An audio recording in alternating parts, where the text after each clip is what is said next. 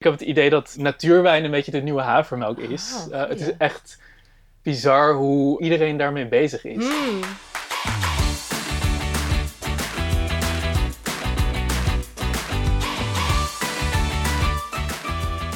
Welkom bij Zoetzuur, de podcast over alles waar we een geïnformeerde mening over willen en alles waar we ons bedoeld en onbedoeld door laten afleiden. Ik ben Barbara Kleijsen. En ik ben Elise Fixen. Als rechtgeaarde millennials verhouden wij ons graag tot het gesprek van de dag. Zoals het terughalen van seriegangers en het prangende kartontekort. Alleen laten we ons net zo lief afleiden door trivialere zaken die we zeker zo serieus nemen. Gelukkig zijn we niet de enige, daarom is er zoetzuur met deze week de Havermelk Elite editie. Samen met special guest Jonas Kooijman bespreken we deze week de nieuwe statussymbolen van de stedelijke elite. Want hoe zorg je dat jouw gras groener is als je niet de trotse bezitter bent van een huis, boom, beest of überhaupt een vaste baan? Is cultureel kapitaal dan gewoon een pleister op onze collectieve burn-out of ligt het misschien toch wat complexer? Met Mr. Havermelk Elite als orakel hopen we op deze en andere vragen een antwoord te vinden. We laten ons geheel in stijl afleiden door de terugkeer van FOMO en eindigen as usual met wat fijne tips. Maar eerst wat zoet en zuur was in ons eigen leven.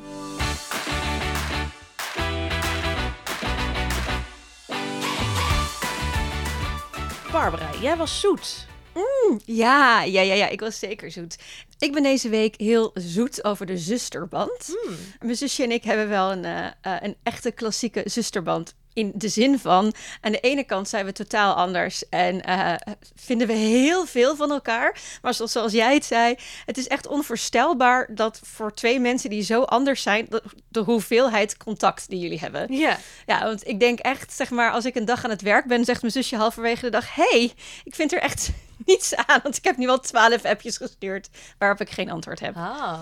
Ja, maar wat ik zo heerlijk vind aan de zusterband, is dat je gemeen kan zijn en kan pesten op een manier die je met niemand anders kan. Want aan de ene kant is het natuurlijk: hey, blijf van mijn zusje af als iemand Mhm. anders dat zou doen. Maar onderling mag je natuurlijk gewoon, je weet precies elkaars zwakke plekken. En je kunt daar met heel veel plezier, kun je daar lekker zo in poeren. Uh, en nu had ik een fantastische ehm, aanleiding. Niet alleen ik was dit jaar bezig om de eerste maanden geen kleding meer te kopen. Mijn zusje ging ook meedoen. En dat ging heel goed en ze was ook heel blij, want in plaats van losse dingen kopen, ging ze dan vanaf nu één keer in de drie maanden alleen nog maar een jurk kopen van Lovely Lane. En dat is een heel mooi Amsterdams Romy Boomsma-achtig merk Mhm. met jurken op bestelling. En nou ja, je kent Mhm. het. Ehm, en dat ging allemaal hartstikke goed en fantastisch.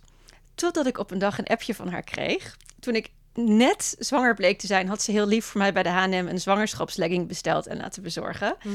En nu had ze een mega-order bij de H&M gedaan en niet gezien dat het bezorgadres nog op mijn adres stond. Aha. Oh, dus ze moest mij zo van, hey. Miss Lovely Lane. dus ze moest mij ook appen. Zo van, oh hey, ja, er komt een pakketje voor mij bij jou. En ik was alleen maar zo, op dat moment al Ik zo kon me niet van... gelukkiger maken. en het begon eerst nog met, ja, nee, maar het is eigenlijk voor de meisjes. En die moesten schoenen voor op school met klittenband. En daar wil ik niet heel veel geld aan uitgeven. En waarop ik ook meteen terug appte, nee, inderdaad, laat de rest van de wereld maar betalen.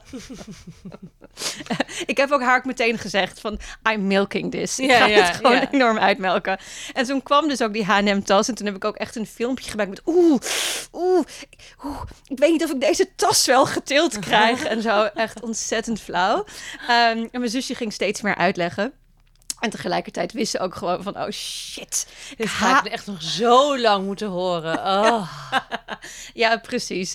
Eh, ik ben zelf eh, net zo hypocriet natuurlijk. Ik Uiteraard. Doe, uiteraard. Eh, maar dit was Maar daar echt... hoeft, dat hoeft zij niet te weten. Nee. Daar heeft zij, dat weet ze wel, maar daar heeft ze geen bewijs van. Precies, precies. Dus dit heeft echt, dit heeft mij heel veel geluk gebracht. Oh yes, wat fijn. En jij, Elise? Nou, Nou, speaking of online shoppen, ik heb dus een zuur. Weet je waar ik dus gek van word? nou, Dat als je dus bijvoorbeeld een nieuwsbrief krijgt, of je krijgt op Instagram reclames te zien van kleding, Mhm. een webshop, en dat je dan denkt, oeh, dat is een leuke trui, broek, jurk, jas. Ik klik erop en dan is die niet te vinden. Ja, Zalando doet dat ook heel erg. Die, Ik word die- er gek ja, van. die smijt met dingen, dan klik je erop en dan, oh nee, maar die hebben we niet meer op voorraad. Sterker nog, ik heb met Zalando heb ik wel eens in, een- ben ik wel eens in een e-mailwisseling geëindigd. Dat ik echt zo van, jongens, deze schoenen, waar dan? En dan zo, ja, ja, ja, we zetten wel eens dan wat in de nieuwsbrief. En dan kan het zijn dat het niet op voorraad is. Ja, fuck dat. Ja, Ik heb het op Instagram ook best wel vaak. Dat je denkt, oeh, leuke foto van een tuinbroek. En dan klik je erop en dan moet je echt die hele site doorspitten. En eindeloos zoeken. Dat je denkt, hallo, ik hap. Waarom? regel dit. Ja, Ja. regel dat ik in drie kliks dit ding heb gekocht. Want ik ben in de markt. Ja, dat vind ik heel irritant. En nou nu ik toch daarover aan het zeuren ben... Wat ik ook heel irritant vind zijn webshops waarin geen fatsoenlijke foto's staan. Dus alleen maar zo van, oh, hele eh, artistieke foto's van iemand in een soort van dansmoves of zo. ja Maar ik of ja- zogenaamd van Instagram geplukte foto's uit het dagelijks leven. Ik vind, ga- mag ik even gewoon een foto zien waarop, waarop jij recht staat met je armen naar beneden, en zodat ik zie hoe dit valt? Of als het überhaupt niet eh geshowd wordt op een persoon. Oh ja, vind ik ook. Ja, dat ik denk, ik heb geen idee hoe deze stof valt. Wat moet ik hiermee? Ja. Dan wil ik wel echt nog een, een shout-out doen naar de KOS. eh, die echt een heel fascinerend eh, fotografiebeleid hebben... waar ik graag een keer meer over wil horen. Wat? Super... Ja, die zo van hele bleke... Depressief uitziende modellen, die dan echt zo met gebogen schouders. En dan die, alles hangt er ook op als een zak. Je wilt niets hebben. Ik heb echt wel zeg maar een aantal kledingstukken van de kost waar ik best blij mee ben. Maar als je dan op hun website zit te kijken, denk je echt, jezus. Allemaal gewoon, zeg maar, alles is een hobbezak. Alles is, valt net heel lelijk. Ik bedoel, stel het een beetje af. Maar het voordeel daarvan is wel, je weet precies wat het is. En dat je, dan moet je dus zelf bedenken van, oeh, maar als ik dit in mijn broek doe... en dan is dit eigenlijk wel mooi... Maar dat is aan de foto niet af te zien. Ah, nou, ik vind eigenlijk, Elise, dit gewoon allemaal een verkapte zoet. Hè? Maar ik ben aan het zeiken. Ja, maar dit is alleen maar heel goed. Want hoe moeilijker het is om dingen te kopen bij dat soort winkels, hoe kleiner de kans dat je een impulsaankoop doet en hoe groter de kans dat je duurzamer gaat leven. Hmm. Maar als het nou een duurzame webshop is... Ja, niets kopen is altijd duurzamer dan wel iets kopen. Ja, Exact. Ja.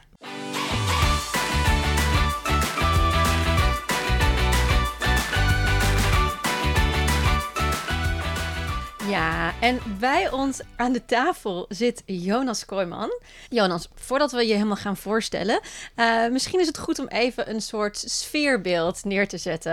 Eh, kun je wat vertellen over jouw reis hier naartoe en hoe zou je deze omgeving beschrijven? We zitten in een hele cottagecore omgeving. Want ik ben uit Amsterdam, eh, buiten de ring ben ik nu. We zitten, we Je moest zitten ook in- echt even recalibreren. Precies, precies. Ik moest echt even ehm De landen term hier. buitenland is gevallen. Precies. We zitten in een soort weiland. Ehm, onderweg hier naartoe passeerde ik allemaal pensionado's op de fiets. en ehm, nu hebben jullie mij meegenomen naar een soort eh, met matrassen bedekte ruimte op een zolder. Het is allemaal heel erg bedenkelijk.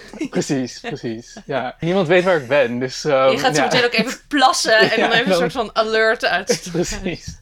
Ja, nou, Ja. het is in ieder geval fijn dat je man bent, hadden wij al geconcludeerd. Ja, Ja. ja. Ja. ja. Maar goed, er kan nog steeds van alles gebeuren. Ja. Dus eh, ja.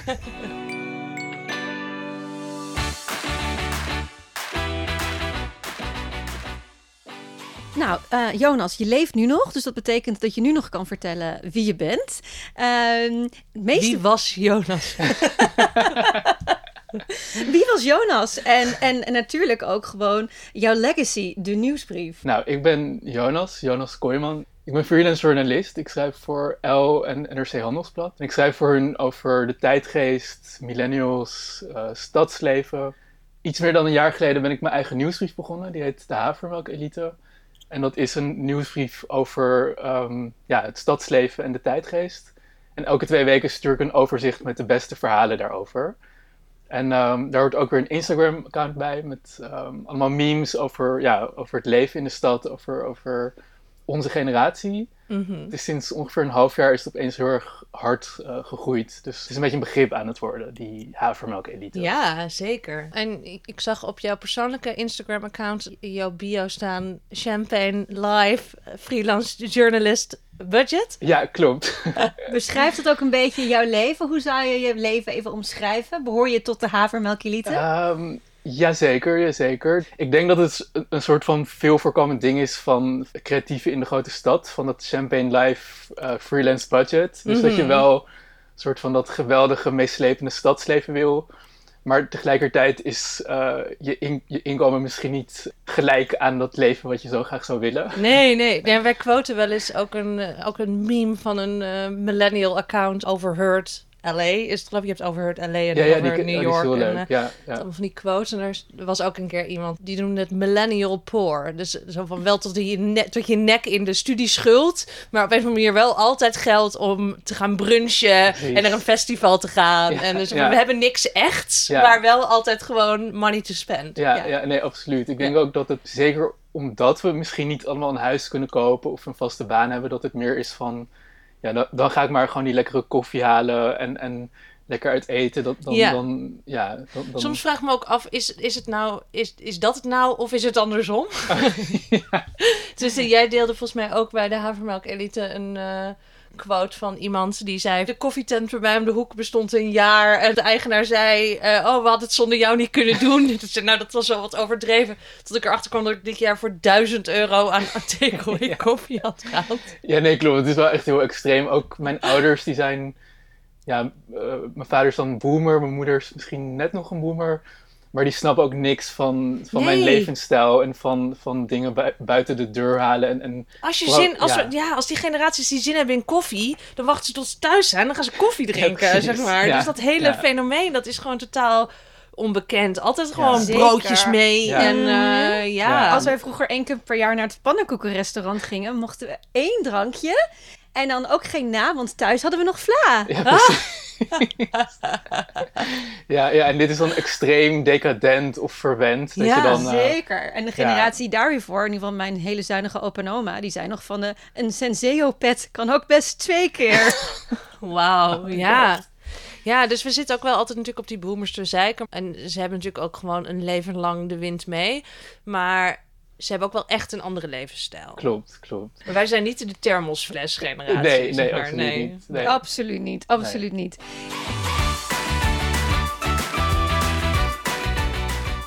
Hey, ehm, 31 januari 2019.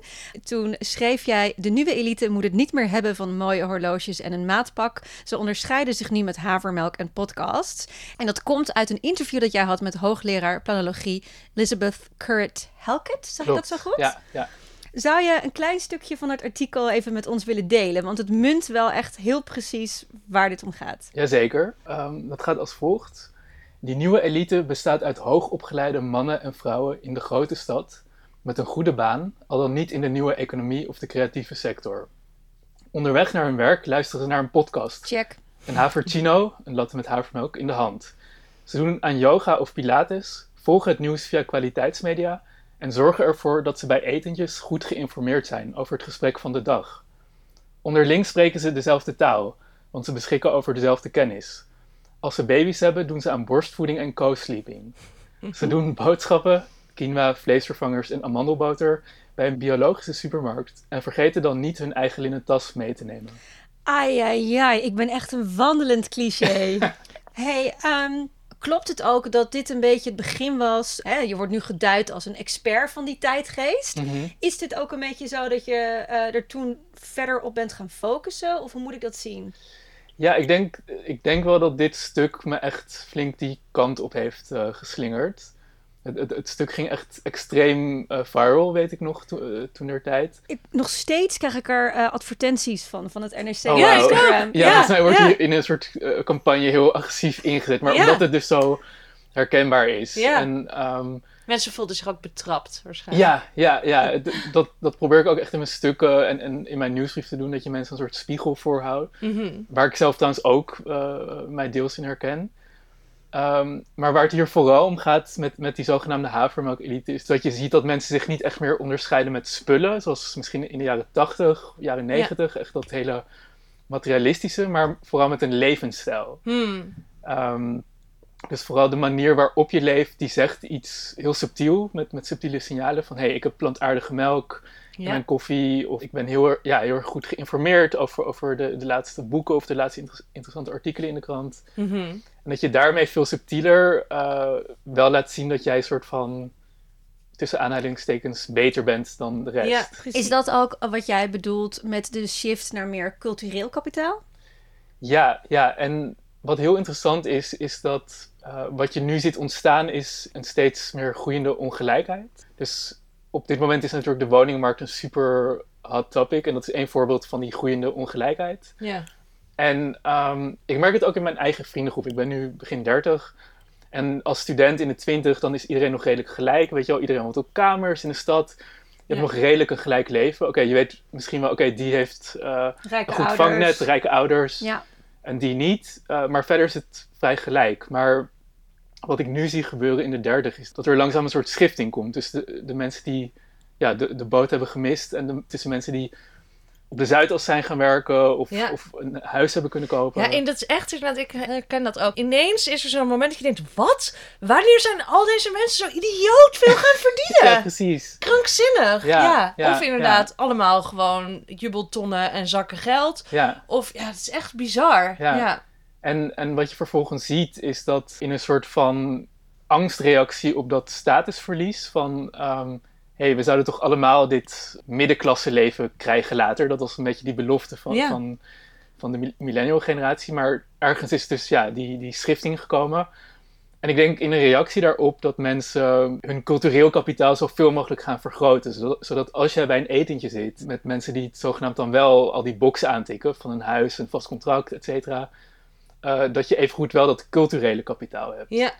En- Oh, dit, ik, voel me nu ook inderdaad heel erg betrapt. Oh ja, vertel. Ja, nou ja, oh, dat, dat, dat herken ik al inderdaad. Dat je denkt zo, ja, ik bedoel, ik heb echt, ik, ik heb ook verder niet heel veel of zo. Maar ik kan tijdens een etentje echt heel behoorlijk meepraten. Precies, Ja. ja. Ja, Ja. En ik denk dat je daarmee heel subtiel nog wel probeert mee te komen met, met die nieuwe elite. En dus die soort van obsessie met statussymbolen in je levensstijl. Ik denk dat het een manier is om niet buiten de boot te, te vallen. Ja. Dus eh, En is het dan ook zo, of ben ik dat gewoon, dat, ehm, dat, dat daar ook een bepaalde afkeer in zit van juist het, het hyperkapitalistische. Dus zo Mhm. van, weet je, het protserige, dat vinden we ook eigenlijk een beetje ordinair. Het moet ook allemaal wel net een beetje verfijnd genoeg zijn. Dus het, het hoeft niet per se heel duur te zijn, als het Ja. maar gewoon heel goed of je kunt wel een hele dure auto kopen, maar daar zijn we niet van onder de indruk. Want dat Nee. vinden, we ook een beetje ordinair Ja, eigenlijk, ja. zeg maar. Zeker. Nou,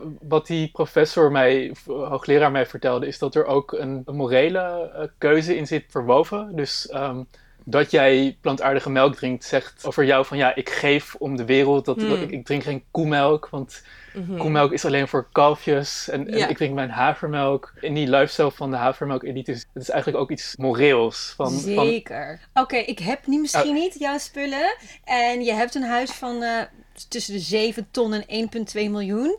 Maar ik hoef dat ook niet. precies, precies. Ja, ik ga echt ja. veel liever gewoon andere dingen doen. En ik wil geen slaaf zijn van mijn hypotheek. En Nee, Ja, ja, moet het ook helemaal. allemaal helemaal. schoonmaken. Ja, Ja. Ook als je bijvoorbeeld kijkt naar een soort van icoon van de jaren tachtig uit de popcultuur, zoals Gordon Gekko, weet je wel, van keihard Ja. werken, Ja, work hard, eh, play work hard, hard. play hard. eh, zeker. Sex in the eh, City zit dat ook nog keihard heel erg. werken, ja. Ja. En, en nu is het juist, Niet gaat zozeer het, keiharde werken, maar wel echt gewoon het geld uitgeven. En dat dat En gewoon daar echt mee doet. pronken, Ja. Precies, en, en nu gaat het juist heel erg om, ehm, z- zoals je hier bijvoorbeeld, heb je dan Romy Boomsma, die op een soort boerderij dan een Mhm. soort van heel, van fantasie leeft, van een soort van heel kwalitatief, rustig leven. Ja, Heel erg met de natuur, of, of een Gwyneth Paltrow. ja. Maar het is ook best hypocriet. Want als je bijvoorbeeld kijkt naar Romy Boomsma, eh, haar draagzakken. eh, je hebt, die advertenties zijn voor de creatieve geest. Voor wie vrij is. Voor wie zich gewoon lekker zo durft af te zetten tegen de maatschappij. Voor wie niet conformeert. Maar ze zijn 350 tot zeg maar 600 euro. Dat je denkt, nou, Ja. je moet je toch behoorlijk aan de maatschappij conformeren. Wil je dat kunnen betalen? Ja, ja, dat en haar jurken bizar. en haar hoeden en haar dingen net zo. Ja, En dat vind ik dan dus wel heel fascinerend. Zo van, nee, nee, nee, we willen dat materialisme niet. nee. Maar we geven wel echt veel te veel geld uit aan een geroosterde boterham met avocado.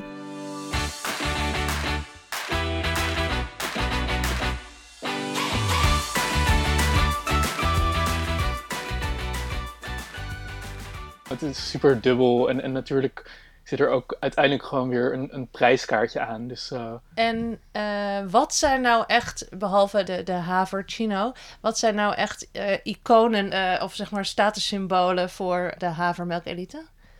Wat nog meer statussymbolen zijn, um, natuurwijn, dat is misschien, mm. want zelfs havermelk is nu al voor mijn gevoel best wel, ja, vin naturel. Ja, havermelk is best chuggy.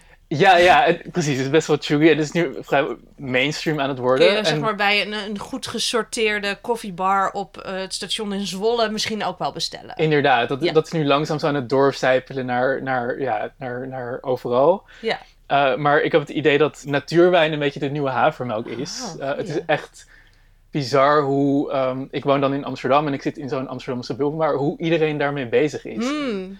Ik vind zelf natuurwijn altijd heel erg intimiderend nog. Omdat ik dus nooit, zeg maar, alle zeer beperkte kennis die ik heb over wijn in het algemeen. Ik weet zeg maar inmiddels wel een beetje wat ik lekker vind. Maar al die kennis moet dus weer overboord bij natuurwijn. Want je moet echt weer opnieuw beginnen. precies, precies. Maar dat is natuurlijk inderdaad dan heel goed om je daarmee te onderscheiden. Van, oh ja, want ja, als je, dat niet, als je daar niet in zit, dan weet je niks. Nee, precies, precies. En ik, ik was naar een populair natuurwijncafé in Amsterdam. En ja, de wijn was daar zo heel zuur. En de mm. bediening was heel elegant. Dus ik, ik vond het helemaal niet leuk daar.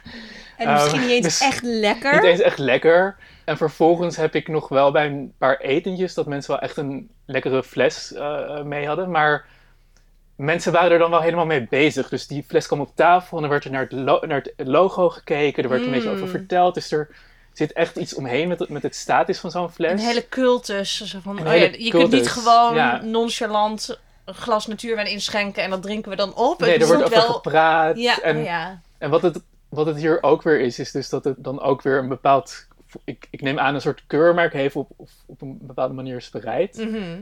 Ehm, en dat gaat ook weer heel erg over dat pure, ja, dat, dat natuurlijk mogelijk. Biologische, geen sulfieten. Ja. Geen sulfieten dus, dat, dat, is dan, dat weet ik dan toevallig wel. Ja, precies, precies. Dus er zit ook iets in van, als ik dit drink, dan ben ik beter dan diegene die uh, de bonuswijn van Albert Heijn ja, drinkt. die daar gewoon lekker met een Pinot Grigio uh, ja, ja, precies, precies. Chardonnay? Chardonnay? Niet oké. Okay. nee, nee, nee. Dus ja. Um, ja, en, en verder haat ik er ook weer niet compleet op. Ik, ik, ik vind het ook wel gewoon geinig. En, ja, ik heb, ja, ik heb ik inmiddels ook. ook. lekkere flessen ervan gedronken. Maar ik, het blijft me verbazen dat er dan toch iets nieuws is gevonden. Net als bijvoorbeeld zuurdesembrood. Dat oh ja, dan, ja. Dan heb je één zo'n zo'n plek in Oud-West waar dan rijen voor de deur staan. En... Maar ik, dat is wel zo van, als je zegt ik heb 1000 euro per jaar uitgegeven aan koffie. Wat ik uitgeef aan brood, dat is echt krankzinnig. Echt? Ja, jij, Echt gaat ook, ja, jij gaat ook naar die hele dure bakker. Bakkerij X Ja, zo? bakker X, ja, daar- daar- dat is ook zeg maar echt, dat is echt een extreme hipsterbakker. Er werken ook alleen maar best wel aantrekkelijke vrouwen die daar ook gewoon lekker zuurdees, allemaal zuurdees om staan te bakken. Het is gewoon zeg maar rustig 6 euro voor een brood, wat wij gewoon in één dag opeten. Ja. En er is nog een andere biologische bakker ook bij ons in de buurt. En daar is ook altijd, ik denk, oh, daar staat ook dus nooit prijzen bij. Dat is ook fucked up. Nee, dat, en ik oh, altijd dat denk, ik. hoe duur kan het zijn? Famous last words. Dus gewoon elke keer weer komen we thuis en denk ik, jee, wat denk je dat dit heeft gekost? Oh mijn god. Zo'n, oh, vier afbakbagels. En die we zijn dan 6,5 euro of zo. Weet je? Dat ik denk, Ja. wat? Hoe is dit gebeurd? Ja. Maar ik sprak ook onlangs voor mijn werk, had ik een interview met de Amerikaanse schrijver Rumaan Alam. En hij zei ook van, mensen kopen dat soort dingen onbewust ook om zich beter te voelen over Mm. zichzelf. Van, Mm. ehm, ik heb ehm, ja, dit, dit eh, biologische brood gekocht, dus ik draag nu een soort van steentje bij aan de wereld. ja. En ehm, Dus je koopt eigenlijk meer dan brood.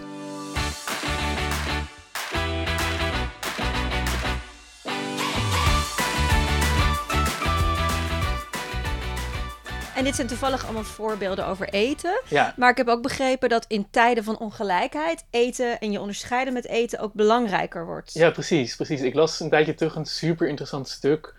En dat ging erover dat eind jaren 70, begin jaren 80, met de opkomst van Reagan, toen ja, Amerika echt die hyperkapitalistische weg insloeg, Mhm. ehm, dat er toen opeens een soort van rage ontstond rondom brie. En, Oh. en brie is nu, ja, het is Nu nu ordinair. nu ordinair, ja, voor Ja. 1 of 2 euro. Maar toen was het nog een soort van nieuw, weet je wel, de Franse kaas, een beetje Ah, chic, Europees. erbij op een plankje. Precies, een burrata. ja. Nieuw is. Ja, ja. ja, dus ehm, met die toenemende ongelijkheid schijnen er ook ehm, nieuwe food crazes te ontstaan. Ah. Dus ik vind dat ook heel erg een, een hele interessante verklaring. Ook nu met Ja. het kapitalisme dat in een soort overdrive is gegaan. Dat er ook weer een soort enorme focus is gekomen op eten. En, en Ja. wat, er in je, wat je in je lichaam stopt. Mm. Dus, eh, Ja, maar het is ergens ook weer het gevoel, natuurlijk, daar heb je dan controle over. Hè? Een aantal Ja. dingen, of dat gaat lukken nu met de huizenmarkt en zo, dat is allemaal veel te groot. Maar denken, oké, maar ik eet heel puur en daar kan je al wel aan jouw droom lifestyle. precies, precies. Ja, absoluut. Ja. Hey, en wat ik ook interessant vind in het verlengde ervan, is dat we ergens daardoor ook gevoed worden. Hè? We willen aan een bepaalde lifestyle voldoen die we misschien niet kunnen betalen. Of-. Maar het zorgt er ook voor dat we eh, producten gaan kopen, zowel eh, reizen als producten die eigenlijk een soort surrogaat zijn Ja. voor het echte. Ja, nou ja, ik werd sinds een tijd eh, gebombardeerd op Instagram met een reclame voor de Toggle. Ik weet niet of jullie de Toggle kennen, maar de Toggle Nee. is een opblaasbad voor in je huis. Oh. En je krijgt dan een reclame van mannen en vrouwen die zo super sereen in zo'n opgeblazen bad op hun balkon zitten of op hun dakterras. Met Maar een een- soort hot tub? Of... Nee, het is echt een opblaasbaar bad, speciaal voor mensen die heel klein wonen. Oké. En het, is, het ziet er heel, ja, heel flashy logo. En, en die, die reclamecampagne is super goed gedaan. Zo in de grote stad. Iemand die zo genietend van een wijntje of, of whatever op zijn balkon zit. Natuurwijn. Maar eigenlijk is het echt super treurig. Ik ging ook die... Ik wilde het bijna bestellen. Want Ja. ik ben zo iemand die Ja. een bad mist in zijn leven. Ja. Ehm, ik ben dan zo iemand die als kind, eh, toen, eh, toen ik bij mijn ouders woonde, hadden we wel een bad thuis. En je gaat er dan vanuit, ja, als ik volwassen ben, dan krijg ik ook een bad. Maar ja, nee, dan, is, eh, dan kom je in de Nee, en volwassen wereld uiteindelijk heb je dan een veel te duur opblaasbad voor volwassenen gekocht. Dat dan de helft van de tijd, waar moet je het kwijt? Want al die tijd dat jij niet in bad zit en dan het opblazen is heel veel gedoe. En ik moest dus zo lachen toen Maar jij hebt zo'n bad. Maar dat is dus het punt! Alleen de tubble, dat is dan voor mij te duur. Ik heb een bath bucket, wat gewoon een tobbe is van, zeg maar, 49 euro. Het is wel weer meteen ook heel erg cottagecore. Zo van, vroeger gingen mensen toch ook niet onder de douche, maar gewoon in zo'n soort tobbe. Maar dan zit ik dus in mijn, in mijn bath bucket van 49 euro. Maar dan heb ik er dus wel zo'n mooie houten plank bij gekocht. Er gaat magnesium, zeezout en lavendel in. En bloemblaadjes en een geurkaars. Dus ik probeer dus helemaal die spa-experience te creëren. Maar, maar er, er is dus een, een verzamelterm voor dit soort producten. Ik vind dat mega interessant, want, want ik heb het ook in mijn leven, dit soort dingen. En dat heet premium mediocre. Dat is echt het- heel ja, goed. Heel goed. middelmatige luxe. Ja. En je ziet het overal. Want, want ik ga dan bijvoorbeeld, als ik dan op eh, vrijdag snacks koop voor het weekend, ga ik naar de markt en dan koop ik truffelchips. Mm. Chips met zwarte truffels. Nou, kijk je op de verpakking, dan is echt 0,01% truffel, maar dan staat er wel truffel op, dus het heeft dan iets chics. Ja. Maar eigenlijk is het super treurig. Premium mediocre. Hey, en dat geldt niet alleen met eten, toch? Kan Nee. ook voor andere dingen Ja, gelden. eh, om een voorbeeld te geven. Ik was voor een ehm, reisverhaal voor de L was ik naar eh, New Jersey gegaan. Daar heb je een soort eh, muziekstadje aan de kust die nu, nu helemaal aan het verhippen is. En ik mocht daar in het ehm, lokale soort van nieuw geopende supermooie hotel slapen. Dus ik kom daar aan, ik word ontvangen, super aardige mensen. En, en ze zeggen me, ja, jij krijgt de, de suite. Dus ik super blij. Ja. Leven de Ehm, journalistiek. ja, en, en ja, ik kwam daar en het, is, het was ehm, een heel vreemd fenomeen. Want het zag er super hip en mooi uit. Er, er, er was buiten bijvoorbeeld een prachtig zwembad waar dan flamingo's indreven. Natuurlijk. Azuurblauw. Maar die suite bijvoorbeeld, het, het was allemaal best wel karig. Dus, dus een hele harde bank. Er was Mm. geen bad, maar een, een, een douche. En dat was het allemaal zeg maar net niet. En, en, Ja, zo ehm, van als ik te hard aan de deur klink, jengel, dan heb ik hem waarschijnlijk in mijn hand. Precies, Een soort precies. bordkarton eh, glamour. Ja, ja, ja. En, en, en eh, je ziet heel veel ook in, in Nederland nu ook van dit soort hotels die dan een beetje van die eh, opgepropte kamers naast elkaar met Mm. super eh, ja, mooi lampje, maar het is allemaal net een beetje krap en benauwd. We hebben het vorige keer gehad over de Net 5 docusoap Het Wilde Pad. Ik weet niet of je dat hebt gekeken, waarin dus influencer eh, de huismuts... Met haar Ja. man en huisvriend een vakantiepark hebben gekocht. Je moet het echt gaan Oh, kijken. En dat is helemaal Dus- premium mediocre. Ja, daar is het echt inderdaad ook allemaal zo van... Zo van, van, oh, we, hebben de, we, we gaan het allemaal helemaal mooi inrichten. Met alle, de muren zijn gespoten en er komt een mooie houtlook vloer op de grond. Zeg maar, dan ja. blijkt dus ook dat ze daar gewoon een soort goedkope laminaatvloer op plempen. En eh, nou ja, als je, ja, alles is gewoon Zo is slecht zeg maar, afgewerkt. Precies. Ja. Niets is geïsoleerd. Ze doen niets aan het leidingwerk. Ze doen niets aan het enkel glas. Maar het gaat er echt... Je wel een ziet... heel leuk hoekje vanuit de. Zeker allemaal heel goed te fotograferen Precies, ook. precies. En een dit. goede borrelplank. Ja, ja.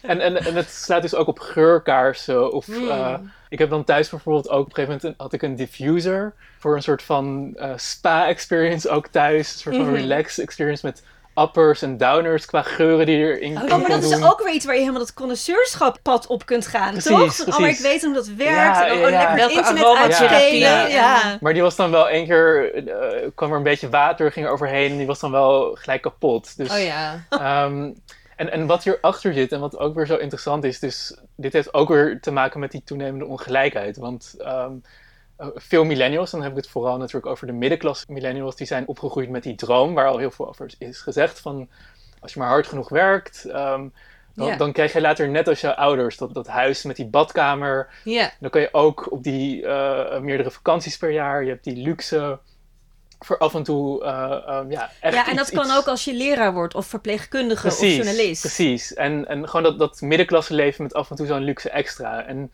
nou toen, toen werden we volwassen, toen, toen kregen we keihard die economische realiteit eh, voorgeschoteld. Dus eigenlijk is dat middenklasse leven is, is helemaal buiten bereik geraakt voor een hele grote groep mensen. We hebben eigenlijk alleen nog een beetje de luxe uitspattingen. Maar de hele basis eronder, die is er niet meer. Precies, precies. En, en, en daarom eh, is er ook een hele nieuwe markt ontstaan met die soort van imitatieluxe. Hmm. Je, je had het al, maar, maar dit is echt een soort van nieuwe tak van sport. Van echt, eh, het heeft een heel mooi logo, het ziet er heel, Ja. heel mooi uit, maar het is toch Het is een soort surrogaat. eh eh. AliExpress eh, Ja, rotzooi. Ja, ja, ja, ja.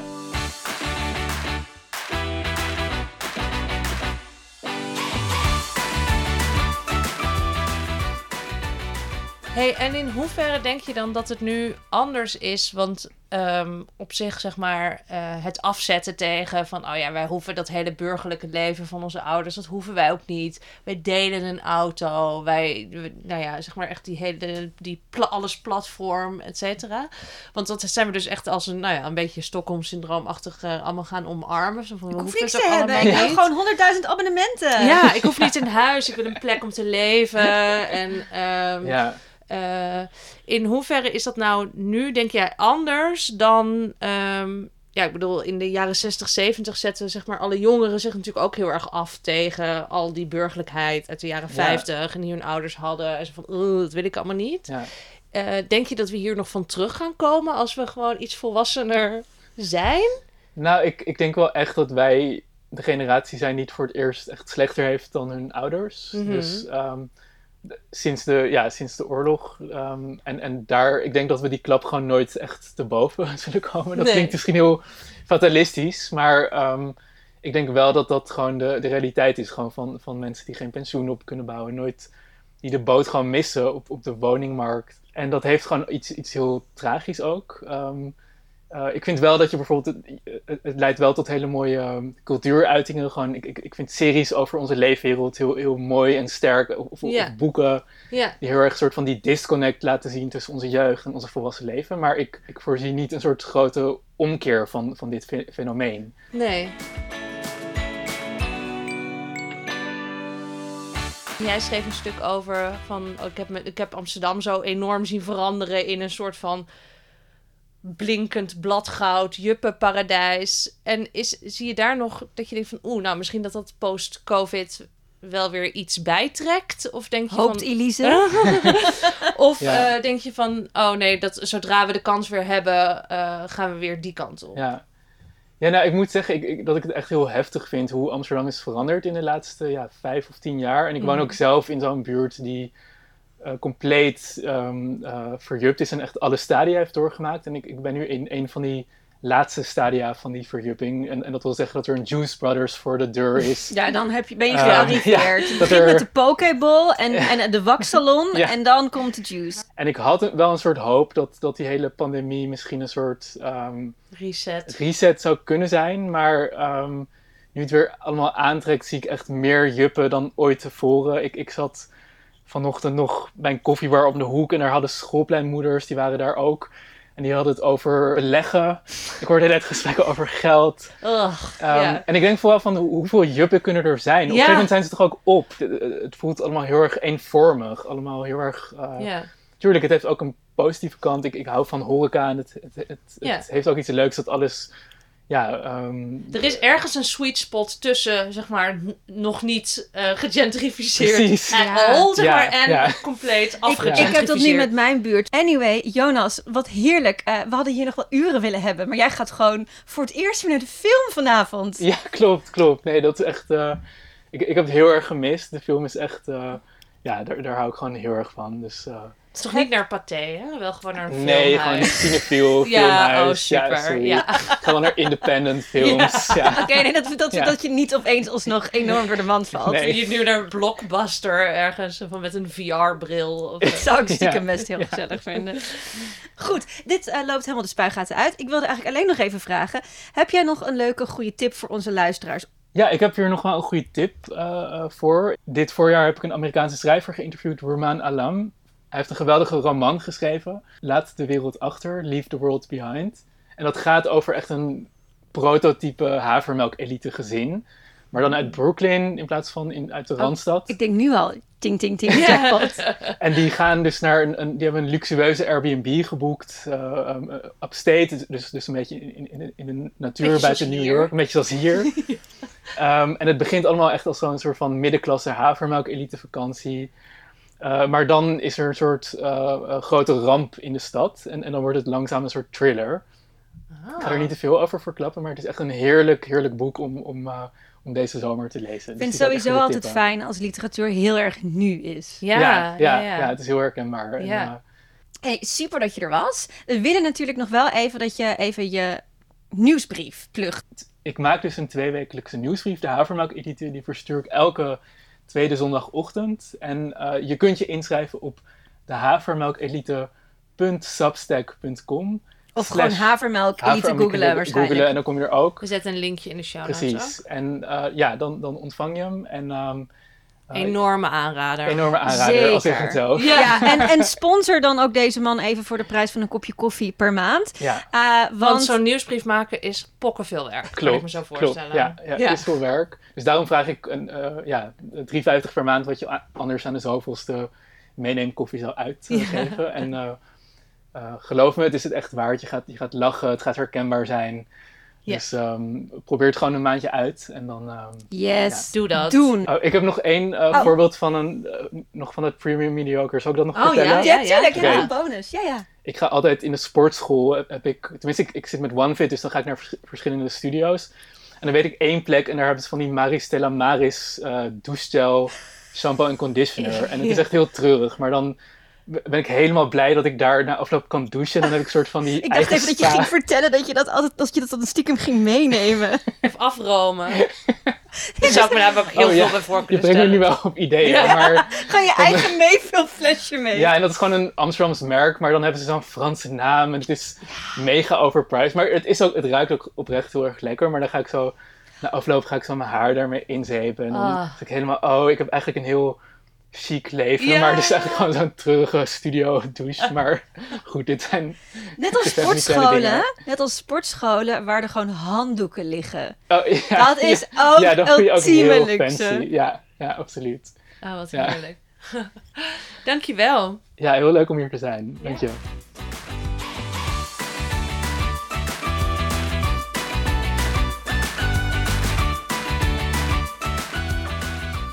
Elise, eh, ter inleiding van onze afgeleid, namelijk de terugkeer van FOMO, heb jij al knaldrang? Nee, helemaal niet, heel eerlijk gezegd. Ik dacht een pandemie lang dat ik echt enorm veel zin zou hebben om weer naar allemaal dingen te gaan en feestjes te gaan. Maar ik moet zeggen dat ik dat totaal niet heb. Wat ik wel heb, is dat ik denk... Ik zou nu heel veel zin moeten hebben om allemaal dingen te gaan doen. Ik, ik heb een soort van FOMO-FOMO. Dat ik denk zo van... Zou ik niet eigenlijk heel erg zin moeten hebben om allemaal dingen te gaan doen? Ja, nou daarmee pas je perfect in de tijdsgeest. Ah. Ja, eh, hierover is geschreven in The Cut. Maar ook in Nederland door Lisanne van Zadelhof in de Volkskrant en door Gijs van der Zande in het NRC. En Gijs van der Zande schrijft daar: Op sommige dagen lijk ik me in een impasse te bevinden. Waarin ik enerzijds snak naar nieuwe ervaringen en prikkels. En anderzijds mokkend onder mijn vliesdeken wil blijven zitten. Onzeker over hoe het leven er straks uit gaat zien.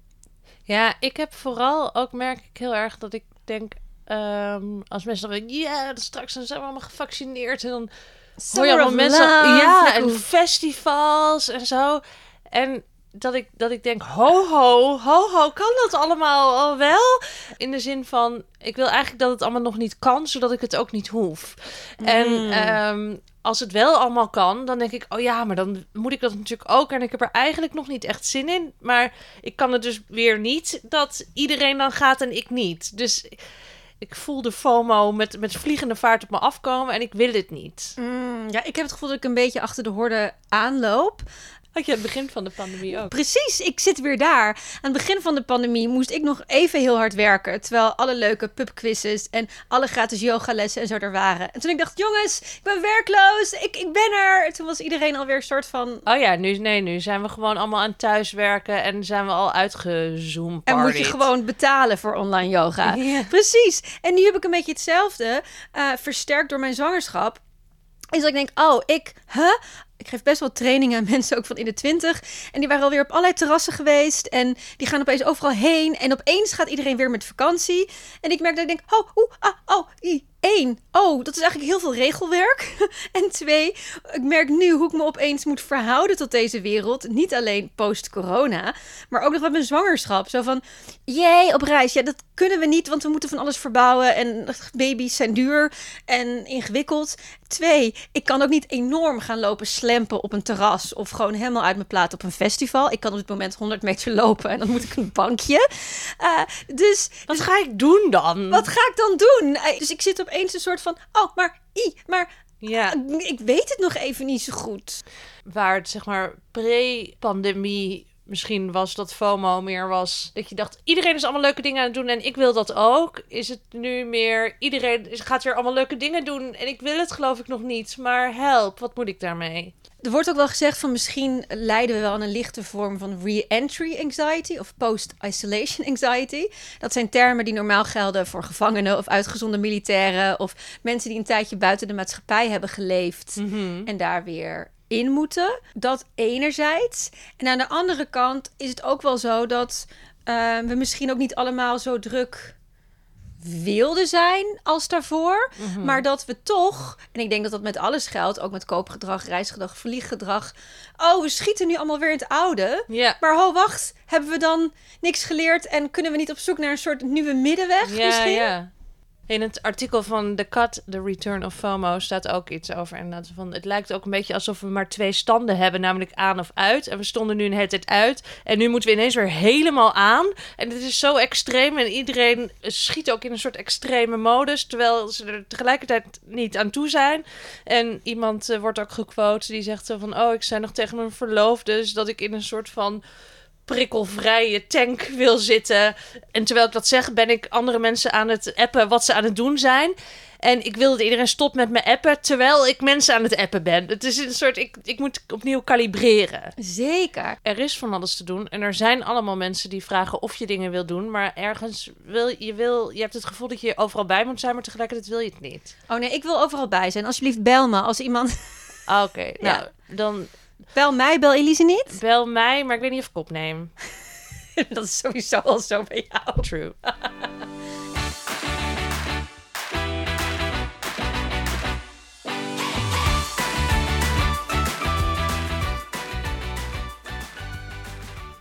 Elise, Mijn tip is een podcast. Het is De Schaduwspits. Misschien heb je er wat over gehoord, want hij is groot in het nieuws overal. Het is een podcast van de NOS. Hij is gemaakt door Rivka Op het Veld, Jeroen Gorthorst en Winfried Baaiens. Zij zijn alle drie NOS-collega's en LHBTI'er. Ze gaan op zoek naar een openlijk homoseksuele profvoetballer. Waarom zijn die er niet en hoe is het om homo te zijn in de voetbalwereld. Waarom is het zo moeilijk om- uit de kast te komen? Het is ergens, ergens een beetje zo van... oh ja, we gingen er een podcast over maken... maar we konden eigenlijk niemand vinden die er over wilde praten. Dus nu maken we een podcast over de zoektocht. Maar het is super boeiend en het geeft gewoon heel veel inzichten in... waarom is dat dan zo moeilijk? En er zijn bijvoorbeeld wel profvoetballers die na hun carrière uit de kast zijn gekomen... en die vertellen er wat over. En het geeft gewoon heel veel inzicht in dat wat, wat mensen zeggen. Zo van, ah joh, doe niet zo moeilijk en kom er gewoon voor uit. Dat dat echt niet zo simpel ligt. Terwijl het dus ook voor veel jonge voetballers wel heel goed zou zijn als er rolmodellen zouden zijn. En je hoort ook bij jongere voetballers in de, in de kleedkamer en zo, waarbij het dan, oh ja, nee, als een van mijn teamgenoten uit de kast zou komen, nou, ik zou wel echt meer afstand nemen, want eh, ja, dan staat hij onder de douche en dan eh, moeilijk, moeilijk, moeilijk. Tegelijkertijd gaan ze dus ook naar vrouwenvoetbal en dan zie je dus dat het daar echt een soort non-issue is. En waar zitten die verschillen dan in? Is het uniek voor voetbal? Het is super boeiend. Er zijn er nu vier van verschenen. De vijfde is nog in de maak. Die komt geloof ik na de zomer. Klinkt Ja, goed, ik ga hem luisteren. Het is Schaduwspits van de NOS. Barbara, wat is jouw tip? Mijn tip is een documentaire, Foster. Het is een HBO-documentaire eh, te zien op Ziggo. En vast ook wel op andere manieren. Oh, Ziggo inlog. Heb je dat? Tuurlijk. Awesome. Super. Ehm, Foster, een documentaire over het foster system eh, in Amerika. Het is over de pleegzorg en pleeggezinnen. Het is gemaakt door twee Oscar-winnaars, dus het is gewoon heel goed gefilmd. Dat zijn Mark Jonathan Harris en Deborah Oppenheimer. En ze laten met zo'n mozaïekvertelling een dwarsdoorsnede van die wereld zien. Van heel schrijnende gevallen van mensen voor en achter de schermen. En wat ik vond is dat het los van dat het heel indrukwekkend is, soort van, oh ja, ik heb bij twaalf gezinnen gewoond tot mijn veertiende. Oh, zo heftig. Zo heftig. Maar ook gewoon van die, van die hele toffe mensen dat je denkt, oh, wat heb jij een talent Hmm. om met onthechte kinderen om te gaan. Oh, ik heb zoveel respect voor pleeggezinnen. Zo ontzettend veel respect. Maar ook, ook gewoon voorbeelden als een vrouw bij wie na de bevalling cocaïne in het bloed is gevonden. Eh, haar vriend wist daar niks van. Eh, haar kerstverse baby wordt van haar afgenomen. En vervolgens moet die jongen van begin twintig moet dan verplicht weer bij zijn vader wonen als ze de baby willen houden. En die slaapt dan in de woonkamer van zijn vader op de bank met die baby. Jezus. En zij mag dan heel af en toe die baby bezoeken. Echt gewoon dat je denkt, Oh, holy fuck. Maar het is ook ontroerend en het is ook heel reëel. En wat ik er heel goed aan vond, is dat bij mij ook best wel wat stereotypen doorbrak. Dat ook bijvoorbeeld het verhaal van de vrouw met de baby, dat als je het zo hoort, dat je ergens geneigd bent eh, om haar gewoon meteen weg te zetten als hmm. crackhead. crackhead, idioot. Is makkelijk om te denken. Hmm. Maar wat ik dus echt goed vind aan de documentaire is dat je ziet hoeveel gelaagder het is en hoeveel begrip je ook wel voor haar krijgt. En dat je ook echt ziet haar worsteling en wat je vervolgens allemaal moet doen om je kind weer Ja. te kunnen, eh, weer terug te kunnen krijgen. En ja, ik vind al die vertellingen door elkaar heen, het kijkt gewoon heel lekker gladjes weg. Maar het is ook wel heel indrukwekkend en ontroerend. Klinkt goed. Ik ga het kijken. Dat brengt ons bij het einde van deze Havermelk Elite editie. Nogmaals heel veel dank aan onze eregast Jonas Kooijman. Luister je vandaag voor het eerst Zoetzuur omdat je hier terecht bent gekomen via Jonas? Dan hebben we een leuke starter pack voor je samengesteld met de leukste Zoetzuur afleveringen. Elise, welke raad jij zo al aan?